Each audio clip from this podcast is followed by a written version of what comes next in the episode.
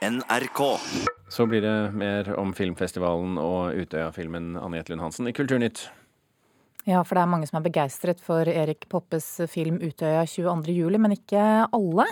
Hanne Linaker, som overlevde skytingen, mener regissør Erik Poppe ikke har greid å gjenspeile brutaliteten i angrepet på Utøya i denne filmen. Filmen hadde altså verdenspremiere under filmfestivalen i Berlin i går, og Linaker fikk se filmen under en lukket visning tidligere i vinter. Jeg synes ikke at eh, man klarer å vise eh, brutaliteten i det godt nok. Jeg opplevde det som en, en mildere versjon av, enn av det som skjedde den dagen. Hun snakker om filmen Utøya 22.07. Hanne Linaker fra Bardu i Indre Troms overlevde skytinga på Utøya, men mista broren sin der. Drøye seks år seinere blir det hun kaller sitt livs verste mareritt, gjenstand for både spillefilmer og TV-serier. Linaker så deler av Erik Poppes film om skytinga på Utøya under ei lukka visning i slutten av januar. Hun mener at han ikke greier å gjenspeile det som faktisk skjedde. Og så er det jo basert på en fiktiv person og hennes fiktive opplevelse. Og når den attpåtil da ikke er grusom nok, eh, misforstå meg rett, så, ja, så, så blir det på en måte ikke helt rett. Filmen hadde mandag premiere under filmfestivalen i Berlin, og filmcrewet ble møtt med stor interesse og blitsregn på den røde løperen. Dette er et bilde på høyreekstremisme eh, som ikke bare skjer i Norge, men som skjer rundt omkring i hele verden. Altså Den dagen hvor ikke det lenger gjør vondt å se denne historien, da er det for sent. Det sa regissør Erik Poppe. Han sier målet er å vise hendelsene fra synspunktet til de som var der og opplevde skytinga. Likevel mener Linaker at det er det store bildet Poppe burde vist. Historien om 22. juli, det som skjedde den dagen, er også mye mer enn akkurat de 90 minuttene da, som, er, som, er, i spillefilmen. Det handler om hva Utøya var før 22. juli, de verdiene som ble angrepet, de kreftene som angrep, eh, de som døde, de som overlevde, og, og tida etterpå.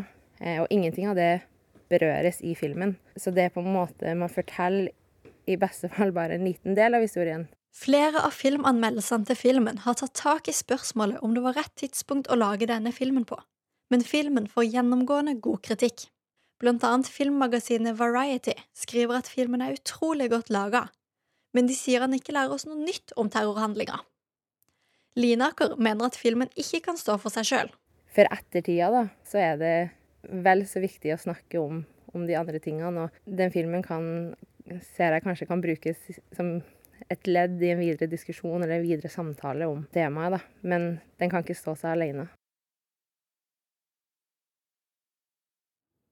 Ja, Erik eh, Poppa har ikke vært tilgjengelig for å kommentere Linakers kritikk. Reportere her det var Kristine Sterud og Rune Norgård Andreassen. Kulturkommentator her i NRK, Agnes Moxnes, du så filmen i går. Kan du skjønne kritikken fra Hanne Linaker? Ja, det kan jeg absolutt eh, gjøre. Og ikke bare det, jeg mener også at det er veldig viktig at hennes kritikk eh, kommer frem. Eh, to viktige grunner til det. Det ene er jo at det var godt over 500 mennesker på Utøya den sommerdagen, og at alle har sin egen historie. Men så sier kritikken hennes også noe veldig viktig om de valgene som filmregissør Erik Poppe har tatt. Eh, for han kunne helt opplagt og med gode grunner ha laget en veldig mye mer brutal film enn det han faktisk har gjort. Men du mener likevel at det er en god film. Hvorfor det? Jeg mener at dette kanskje først og fremst er en film som er laget for oss som ikke ble direkte berørt. At den setter bilder, eller setter ord på bilder på terrorens konsekvenser og at den gjør det på en måte som er til å holde ut. For det sier seg selv at eh, folk flest har stor vegring mot å se en film som beskriver en sommerdag i Norge da 69 unge mennesker ble drept på en øy. Men Hva slags merverdi gir det da å lage en spillefilm om dette angrepet, kontra det å lage en dokumentar f.eks.? Det er jo egentlig det som diskuteres eh, nå. Hvilke og om det er en merverdi i å lage en spillefilm kontra en dokumentarfilm. Uh, Utøya 22.07, altså denne filmen, den bruker jo veldig dokumentarfilmens grep. Den later som det er sanntid. Viser sekund for sekund det som skjer på Utøya. 18-åringen Kaja, altså hovedpersonen, er en oppdiktet figur. Uh, dermed så ligger valgene for det hun gjør og hvordan hun er hos filmskaperne og ikke virkeligheten. Og det gir selvfølgelig en avstand, men det gir jo også en nærhet. Og så skjer jo det som skjer når man en, ser en god film, at man identifiserer seg med denne hovedpersonen. Man blir glad i henne, og det gjør igjen sorgen så utrolig tung. Bl.a. over at det tok altså da over 72 minutter fra terroristen kom til øya, til hjelpeapparatet kom og hjalp dem som var der.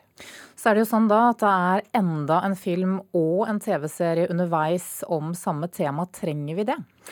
Ja, For å følge opp Hanne Linakers kritikk, da, som mener at denne filmen er for, som Erik Poppe har laget, er for smal, eh, så tar jo Erik Poppe Han ser jo liksom utelukkende på terrorangrepet fra ofrenes side den britiske filmregissøren Paul Greengrass eh, han har laget en film som skal komme på Netflix nå denne våren. Jeg tror det er i mai.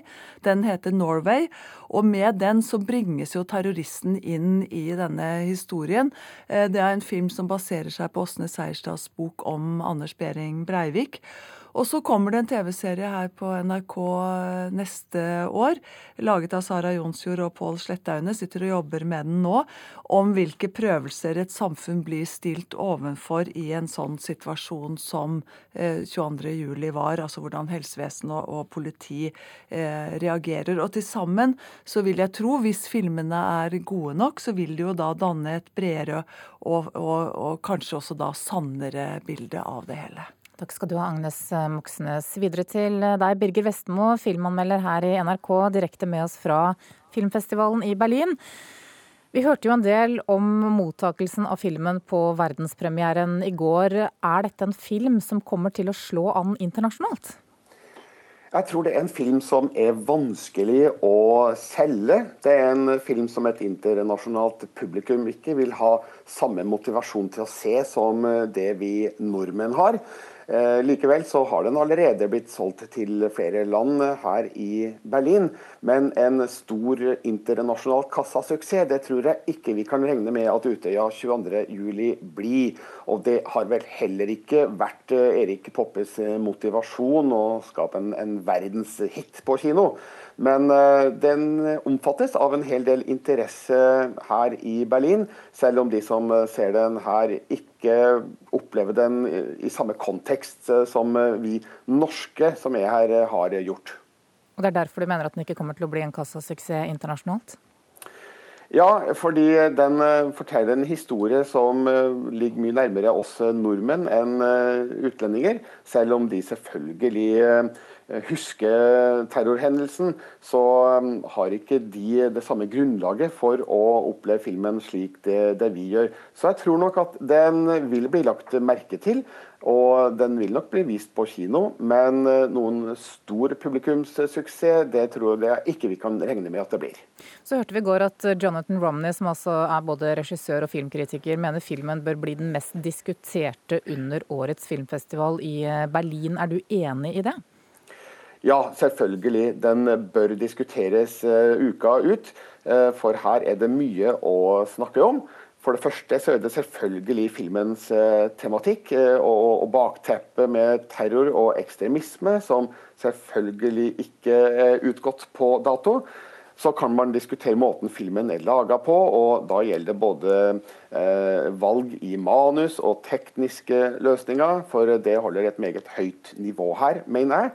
Og så er det selvfølgelig, som vi har hørt, eh, spørsmål om hvorfor er den egentlig laga, og hvem er den for?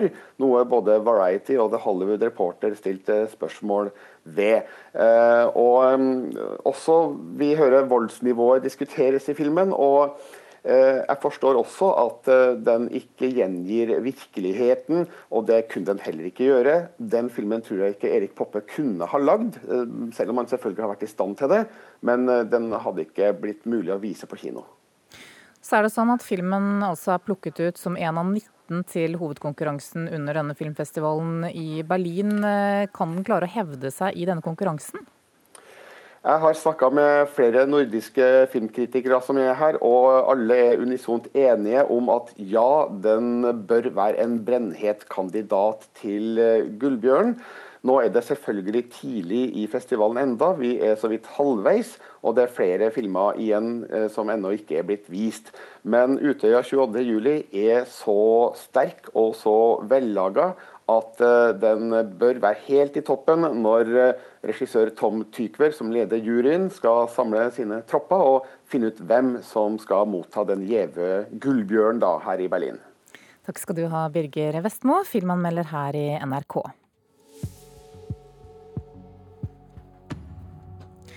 Vi skifter tema her i Nyhetsmorgen nå. Det å synge nasjonalsangen foran store idrettsarrangementer er vanlig i USA, men det er ikke alltid at det går like bra, reporter Oddvin Aune. Nei, det har uh, vokalisten Fergie fra bandet Black Eyed Peas fått erfare til gangs etter at hun uh, nå i helga prøvde å synge den amerikanske nasjonalsangen før den store årlige basketballkampen som heter NBA All-Star Game. Vi kan høre et uh, utdrag.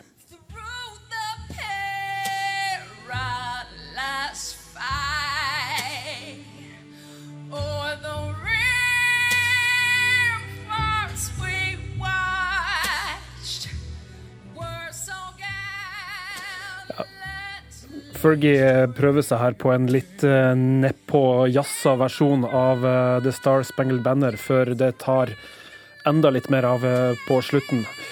Men reaksjonene var jo ikke spesielt positive, og hun har fått mye tyn etterpå. Og du ser jo også under framføringa at flere av de til stede rett og slett ikke klarer å holde seg alvorlige under framføringa.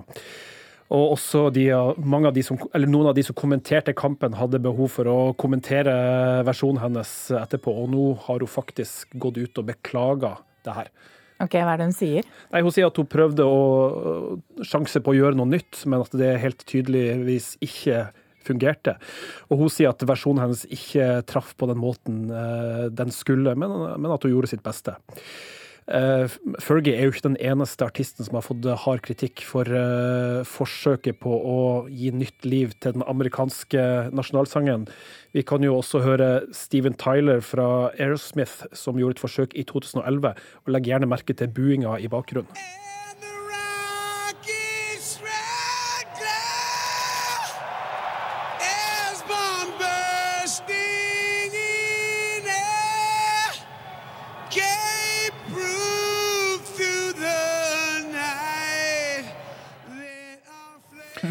En skummel sjanger, med andre ord?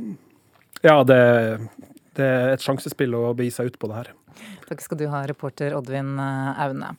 Klokka nærmer seg 8.30, men eh, Nyhetsmorgen fortsetter helt fram til klokka ni, Birger.